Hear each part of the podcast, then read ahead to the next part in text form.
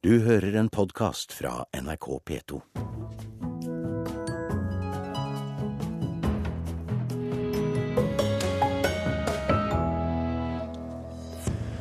Nesten én mil med sperringer venter Justin Bieber-fansen rundt Telenor Arena i morgen.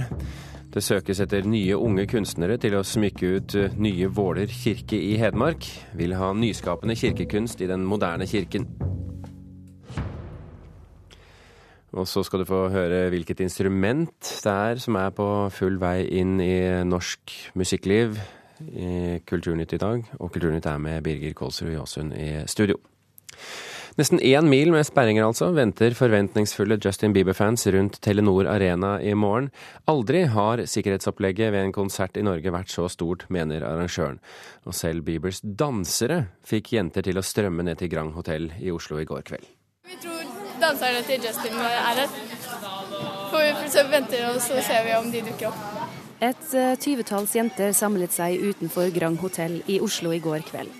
For når den canadiske popstjernen Justin Bieber kommer til Oslo, får selv danserne hans masse oppmerksomhet. En av de 66 000 tilhengerne som har fått billett til de tre konsertene, er 16 år gamle Dyna Nyguen fra Lillestrøm. Jeg, jeg, jeg klarer ikke å vente mer. Det er sånn, åh, Kan det kjappe, kan de dagene gå fortere, så jeg kan uh, få oppleve det Justin Bieber kommer til Norge og sånn. og Jeg gleder meg masse. Og jeg er veldig sånn uh, fantaserer at jeg møter han. Så jeg har redigert uh, spillet her. Og et bilde her at, jeg, at han kysser meg på kinnet. Oh, ja, så det, det, er du og Justin Bieber på dette bildet? Ja. Som du har liksom photoshoppa? Ja. Stemmer. Um, og så her har jeg latt som at Justin Bieber sier at jeg elsker henne. På en sånn VG-artikkel.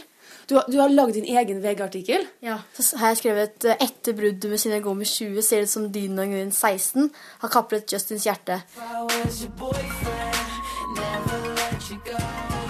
Justin Bieber slo gjennom på nettstedet YouTube og har millioner av svært dedikerte fans verden over. Inne i Telenor Arena på Fornebu er sceneriggingen i full gang. Og når tenåringer fra hele landet kommer hit i morgen, blir de møtt av nesten en mil med metallgjerder, sier konsertarrangør Per Åsmundsvåg. Sjokkerende stort. Se på de der eh, portene. Det er eh, hele Gardermoen eh, ganger ti tipper jeg. Um, vi, vi, snakker om 9,4 km med inngjerding som er satt opp for anledningen. Man har jo statsbesøk, som har en annen type sikkerhet, men dette for et publikumsarrangement um, har ikke sett maken til dette, nei. Da Justin Bieber var i Oslo i fjor, ble det kaotiske tilstander på Operataket. Dette vil Åsmundsvåg forhindre i år. Vi jobber hardt mot å ta tak i alle eventualiteter, uh, og har lagt ned lang tid i planlegging her. Hos Røde Kors i Oslo sentrum forbereder de seg på å hjelpe unge mennesker som har gått seg bort, ikke har fått seg nok mat, ikke finner vennene sine eller andre problemer som måtte oppstå utenfor arenaen, sier Nelly Kongshaug. Eh, se til at de har det bra, at de oppfører seg pent og ja, trøste noen hvis det er noen som ikke har det helt greit. Tilbake på jenterommet utenfor Lillestrøm får vi høre sangen Dyna har skrevet til Justin Bieber.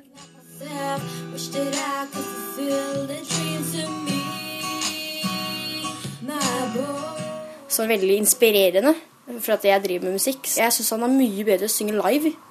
For da er han Oi! Nå, nå ramla Justin Bieber ned fra veggen og opp i sengen din. ja. En stor Justin Bieber-pappfigur. Ja. ja. Så det er sånn Ja, den pleier å dette ned. Når jeg pleier å sove, så når jeg våkner, så ligger han ved siden av meg. så da, ja, hei, Justin Bieber. så. Reporter her, det var Eirin Venås eh, Sivertsen. Trine Åndal, eh, musikkjournalist og anmelder i NRK P3. Velkommen til Kulturnytt. Takk for det. Du skal jo anmelde denne konserten for oss onsdag morgen. Det stemmer. Og Det betyr at du skal i Telenor Arena i morgen. Gleder du deg? Jeg gleder meg til å se showet. Det er jo et, en veldig stor produksjon. Men jeg må innrømme at jeg gruer meg til den logistikken med å komme seg ut dit og stå i kø og være omgitt av mer eller mindre hysteriske fans. Ja. Justin Bieber har jo nå holdt en konsert i Amsterdam i helgen, og du, du har lest deg opp på det nederlandsk presse har skrevet. Hvordan ble den mottatt? Det som er viktig å huske med artister som Justin Bieber og sånne store popfenomen, det er jo at konsertene deres er jo egentlig mer et show enn en konsert. Så det musikalske er det jo av og til litt delte meninger om. Det Justin Bieber fikk litt kritikk for denne gangen, var at han brukte mye playback, og at han egentlig ikke er så veldig flink å danse, sånn som eh, mange skal ha det til. Danserne han har med seg, er flinke, men han var litt mer sånn på halv åtte. Og også det at han bruker playback, får jo mye kritikk fra dem som, uh, dem som anmeldte der nede. Så, så en litt lunken mottakelse, med andre ord? Ja, sjølve det som skjedde på scenen hos hovedpersonen fikk vel en litt lunken mottakelse, men det var jo eh, ekstremt høy stemning på arenaen i Nederland også. Og hylene fra publikum overdøvde vel eh, ved flere anledninger det som skjedde på scenen. og nok en gang så kommer han altså slentrende inn på scenen et par timer for sent. Ja, nå var det jo en lørdag kveld, så det har på en måte gått eh, litt mer upåakta hen at han møtte opp eller kom på scenen to timer etter at han skulle. Tidligere på turneen i London så var det jo en ukedag, og da var det veldig mange foreldre som eh, blei fortvilte da han ikke kom på scenen før eh, sånn ti eller elleve. Hvorfor gjør han det? Nei, si det. Han er nå en stor stjerne, så han føler vel at han kan gjøre som han vil. Og det er sånn som store stjerner skal gjøre? Kanskje noen syns det, kanskje han syns det. Hva, hva venter fansen uh, på scenen i Telenor Arena i morgen? Nei, Det er jo som jeg sa, et eh, stort show. Justin Bieber har med seg mange dansere. Han eh, skifter antrekk mange ganger. Det er masse lysshow, videoinstallasjoner. Og ja, det er jo veldig mye underholdning. Og han spiller jo òg en hitparade. Han har jo hatt utrolig mange godt selgende låter. Um, den avslutningstroikaen som består av Believe, Boyfriend og Baby, er vel det kanskje aller flest gleder seg mest til. Han avslutter med 'Baby', den aller største hiten. Og sånn det har vært tidligere på turneen, så har han bare da forsvunnet bort fra scenen og ikke kommet tilbake. Hva har du eh, størst forventninger til? Nei, det er jo et, en historisk hendelse, nesten, når eh, Justin Bieber går på, går på scenen her. Eh, det blir spennende å bare se hva det her handler om, og så blir det spennende å se om interessen holder seg i ettertid. Det er jo mange som nesten begynner å bli litt lei allerede før han har kommet til landet. Men ikke de som kommer til Telenor Arena, antagelig? Nei, de eh, kommer nok ikke til å få sove noe eh, frem til i morgen. Onsdag morgen altså, Trine Åndal, så er du tilbake her i Kulturnytt studio og, og, forteller da det du har sett med egne øyne. Tusen hjertelig takk for at du kom inn nå i morgenen i dag.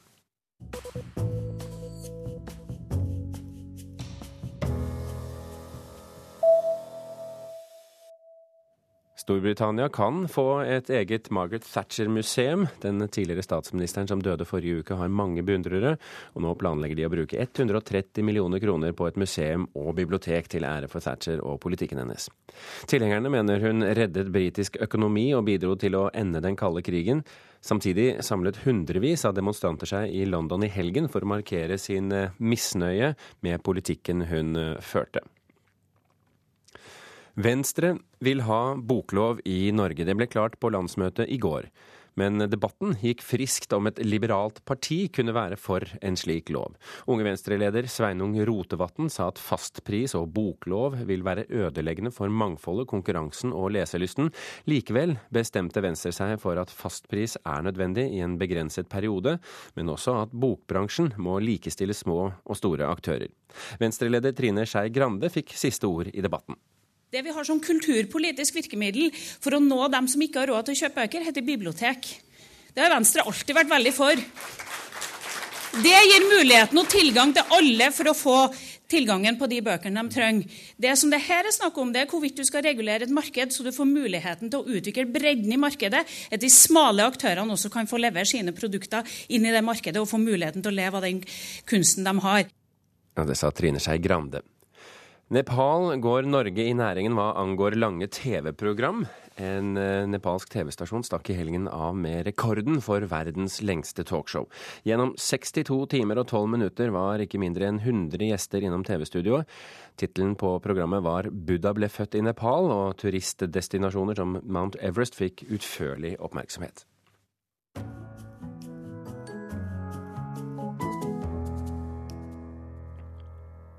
Det søkes etter nye unge kunstnere til å smykke ut nye Våler kirke i Hedmark. Det har vært eh, mye diskusjon og strid om ny kirke etter den gamle brant ned for snart fire år siden, og en ny, moderne skal nå oppføres. Og nå ønskes altså nyskapende kirkekunst. Ja, det syns vi er spennende. Det er nytenkning vi også er ute etter. Sier Harry Vinje, leder i byggekomiteen for nye Våler kirke. Det var 29. mai 2009 at den 204 år gamle kirka brant ned til grunnen. Brannen er påsatt, og den er påsatt ved døra inn til sakristiet. Nei, Det er forferdelig å se. da. Det er helt utrolig at det skal skje sånn. Tragedien som rammet Våler startet en lang diskusjon og strid om gjenreising av ny kirke. Det har vært uh, altfor mye turbulens. Etter norgeshistoriens nest største arkitektkonkurranse vant sivilarkitekt Espen Surnevik med utkastet én med to av tre. Jeg syns det bør se ut som ei kjerke. Og ikke et uh, konsertsal. Ikke alle likte den moderne utforminga av kirkebygget. Jeg tror det blir bra, jeg. Ja. I oktober starter bygginga av nye Våler kirke. Nå etterlyses det kunstnere som skal smykke ut det spesielle kirkebygget. Eh, nye Våler kirke er jo på en måte et fremtidsretta kirkebygg. Eh, og vi ønsker jo dermed òg å få eh, fremtidsretta kunst. Arkitekten sier kunstnerne ikke trenger å ha erfaring fra kirkekunst tidligere. Nei, det er rett og slett fordi at vi ønsker å vurdere å, å, å se kirkekunsten inn i en helt ny tid. Eh, og det å ha gjort eh, kirkekunst tidligere trenger ikke være en forutsetning for å, å kunne være med og diskutere hva som er kirkekunst i, i vår samtid. Eh, så Derfor er ikke det noe kriterium. Nye Våler kirke får et nytt arkitektonisk preg. Nå krever både arkitekten og byggekomitélederen at kirkekunsten også skal være nyskapende, slik at den passer inn i det nye arkitektoniske kirkebygget. Det er helt naturlig nå når man bygger en helt ny kirke, som òg har et veldig nytenkende arkitektonisk eh, preg, så ønsker vi da å få til en, et kunstuttrykk eh, som òg er med og drar eh, kunsthistorien og kirkekunsthistorien videre inn i en ny tid. Jeg syns ikke det var så mye kjerker til de som, de som jeg så der. Jeg syns det var mye, mye rart. Det har vært mye diskusjon og strid i Våler om ny kirke. Lederen av byggekomiteen Harry Vinje håper det ikke blir like mye strid med nyskapende kunst i den nye kirka. Nei, jeg håper ikke det. Ehm, her er bl.a. Eh, en del av den berga kunsten eh, fra den gamle kirka skal jo også være med videre i dette her. Og vi har en egen utsmykningskomité som også skal ivareta den biten. Og det blir jo en av de oppgavene som denne kunstneren som blir valgt, også skal ha med seg inn i det. Så jeg tror ikke at det skal bli en slik diskusjon. Kunstneren som blir valgt, skal bl.a. smykke ut alter, prekestol og døpefont. Det er ennå ikke bestemt hvor mye penger som skal brukes til å smykke ut nye Våler kirke, men det dreier seg om millionbeløp. Surnevik og Vinje håper den nasjonale utsmykkingskonkurransen vil være et prestisjefylt oppdrag for unge kunstnere. Ja, det syns jeg absolutt. Og i hvert fall når det gjelder denne kirka her, så må det være utrolig attraktivt. Eh, det, blir, det er jo ei kirke som blir satt på kartet. Så, ehm, så, jeg mener jo bestemt at dette bør være interessant for, for flere å, å, være interessert i. Eh, vi lager jo nå en, en, kirke som de skal være helt alene om å ha, og som skal være unik eh, for Våler og Vålerstedet. Og som skal tilhøre stedet Våler. Og, og, i så måte er det jo selvfølgelig helt avgjørende at òg kunsten i dette her blir eh, veldig, veldig bra og unik. Og hvilken kunstner som får oppdraget med å smykke ut nye Våler kirke, avgjøres allerede i begynnelsen av mai. Byggingen av kirken starter i oktober, og kirken skal stå ferdig til desember neste år. Arkitekt Espen Surnevik og leder i byggekomiteen Harry Vinje ble intervjuet av reporter Stein Eide. Klokken er drøyt 18 minutter over åtte. Du hører på Kulturnytt, og dette er toppsaken i NRK Nyheter akkurat nå. Personer fra tre romfamilier i Oslo står bak flere drapstrusler, vold og bedragerier, viser NRK-kartlegging. Og opposisjonen i Venezuela avviser valgresultatet. Stemmene skal telles opp på nytt. Filmene Kon-Tiki og Som du ser meg er filmbransjens egne favoritter av fjorårets filmer. I dag åpner filmfestivalen Kosmorama i Trondheim med utdeling av filmbransjens egen pris, Kanonprisen.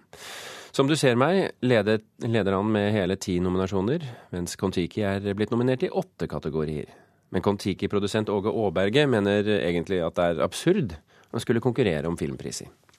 Egentlig så er det dette med å konkurrere med, på filmfronten, det er, det er, nesten litt sånn absurd, altså. Det, jeg må si det å tenke tilbake på Oscar-nominasjonen og, og tenke på de fem filmene som var nominert der, de er så forskjellige så det går an å bli egentlig fem forskjellige verdener. Så eh, det er nesten en prestasjon å konkurrere i hele tatt, syns jeg. Prisen er åpningsdagens viktigste hendelse. Og det spesielle er at filmbransjen selv stemmer frem de nominerte i tolv kategorier. Bare fjorårets produksjon var utrolig mangfoldig og veldig mange gode filmer. Så det er jo veldig mange som virkelig man skulle likt å sett her også.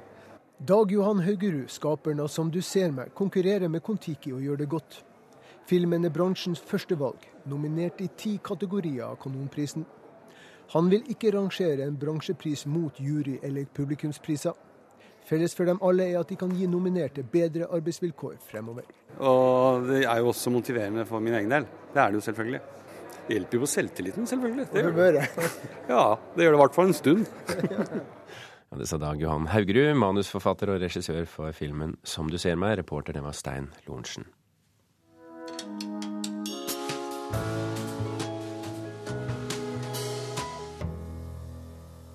Erlend Lo debuterte med romanen 'Tatt av kvinnen' i 1993, og har senere fått et stort publikum med, med romaner som 'Naiv super', 'L' og 'Doppler'. Og med sin eh, nye roman, lyrikeren Nina Faber, er skildringene av tafatte unge menn, og ikke fullt så unge menn, erstattet av et skarpt portrett av en aldrende kunstner på vei mot undergangen. Det forteller vår anmelder Knut Hoem. Vareopptelling er en roman som raskt minner verden om de åpenbare kvalitetene til forfatteren Erlend Lo. Han er morsom. Hvem ellers tar seg bryet med å skildre laktoseintolerante pinnsvin? Ingen, absolutt ingen, det gjør bare Erlend Lo. Karakteristisk er også lånene fra vår tids popkultur. Vareopptelling er en slags feministisk noir. Vi kan fornemme interessante nikk til opptil flere Tarantino-filmer når Lo presenterer oss for sin hevnaske, som avsier sin rettferdige dom over mannlige kritikere og bokhandlere.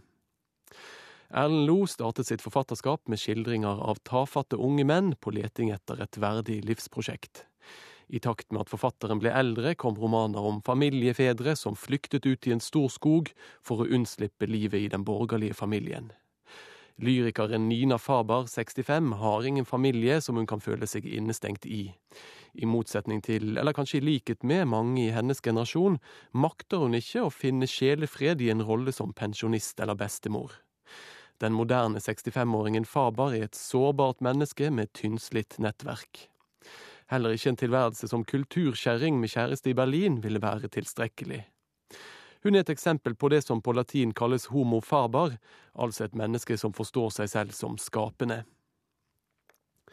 Det er kun i den kunstneriske skapelsesprosessen at livet kan få mening, og derfor står det på mange måter om livet når vi følger henne den ene dagen hun utgir sin første diktsamling på mange år og skal møte kritikken. Herfra kommer vi til et annet av emnene i boken som virker ektefølt fra forfatterens side, men som ikke er fullt så godt utført, nemlig skildringen av forholdet mellom kunstneren og kritikeren. Kritikeren vi møter er en latterlig figur, en jypling uten kjennskap til lyrikk. Ved å velge seg et slikt offer, for å si det bokstavelig, underkjenner Lo på en billig måte kunstkritikken som skapende virksomhet. Hvem er det Lo snakker på vegne av her, i alle fall ikke seg selv. Erlend Loe er i den heldige situasjon at hans bøker er blitt gjenstand for flere høyt kvalifiserte lesninger, som jeg er sikker på har påvirket ham og utviklet forfatterskapet hans videre. Psykiateren Finn Skårdruds artikkel 'Skrumpselve retretter' i tidsskriftet Samtiden er et eksempel på dette. Førsteamanuensis Eirik Vassendens artikkel i boken 'Den store overflaten' er et annet. Ved valg av en kritikerskikkelse ingen kan ta på alvor, reduserer Lo seg selv til en skrålende populist. Erlend Los bøker rører ved noe, men beveger ingenting, skriver Erik Vassenden i sin artikkel om Lo. Også i vareopptelling rører Lo ved noe. Han rører ved kunstens kår i vårt samfunn, og når trikkene nærmer seg ubønnhørlig vår hovedperson, blir vår erkjennelse kanskje også at god kunst alltid rører ved noe, selv om den ikke skulle forandre noen ting. Ja, Det mente Knut Hoem, som hadde lest romanen 'Vareopptelling' av Erlend Lo.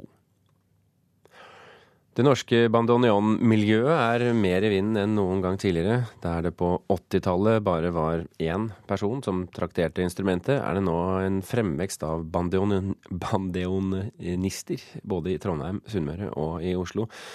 På Norges musikkhøgskole har de siste årene også vært undervisning på dette instrumentet.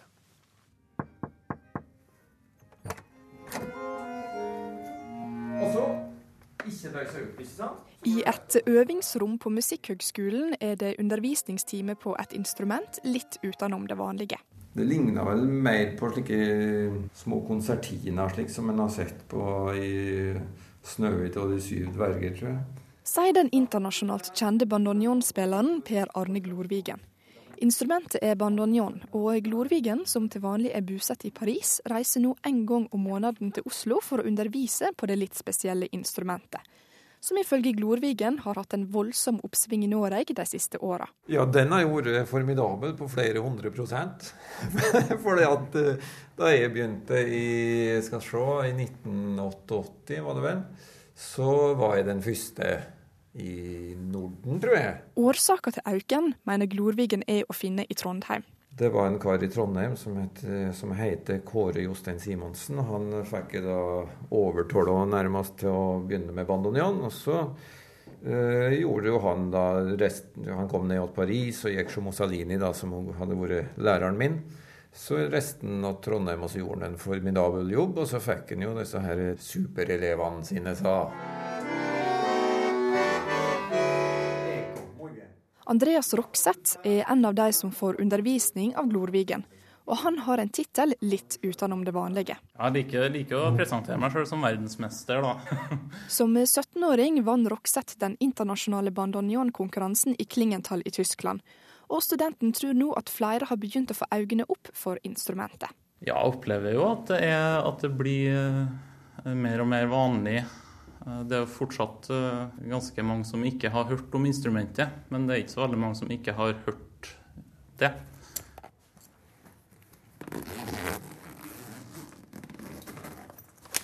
Klart faktisk å finne notene.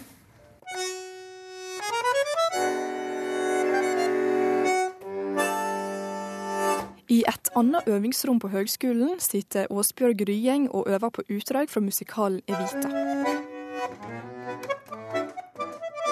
Etter stor suksess med musikalen før jul, setter Norske Teatret nå opp nye forestillinger i mai, og Ryeng er med på bandoneon. Forestillinga på teatret åpner med at jeg spiller et solostykke, og blir avbrutt av radioen som ja, kommer sjokkerende nyheter om at Evita er død og sånn.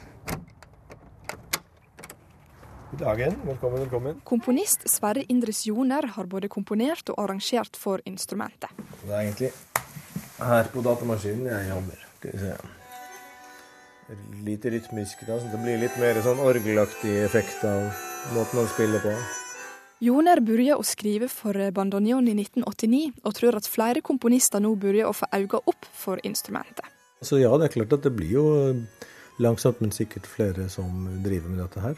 Sjøl om bandoneon gjerne blir assosiert med tangomusikk, håper Glorvigen nå på at instrumentet kan finne plassen sin i flere sjangre. På lik linje som at saksofon finnes òg i annen moderne musikk, så tror jeg òg at bandanjonen kan finne sin plass. Og i populærmusikk. Jeg, mener, jeg har jo spilt på CD-innspilling og slik med, med visesangere og Kråkevik, Eggum Grieg har jeg spilt, eh, og elevene mine òg. Så det er, det, er, det, er ikke, det er mye mer enn tango, altså.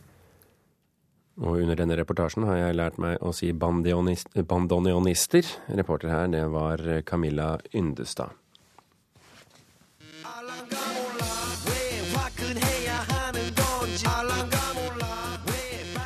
Den sørkoreanske popstjernen Psy er ute med ny musikkvideo. 'Gentleman' heter den. Artisten satte i høst rekord på YouTube med videoen 'Gangnam Style'. Nå tyder tallene på at han har levert en ny gigahit. Videoen ble lagt ut lørdag, og det første døgnet ble den sett av 20 millioner personer. Det slår rekorden til Justin Bieber, som ble sett 8 millioner ganger i løpet av et døgn. Til nå har Psy og låta 'Gentleman' blitt sett eh, over 51 millioner ganger. Kulturnytt eh, er i ferd med å runde av.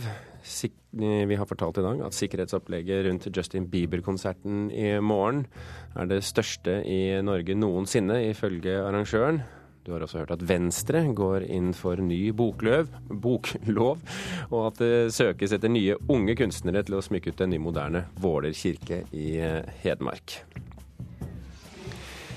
Denne sendingen eh, fikk du levert av Hanne Lunås, Halvor Haugen og i studio Birger Kolsrud Jåsund. Du har hørt en podkast fra NRK P2.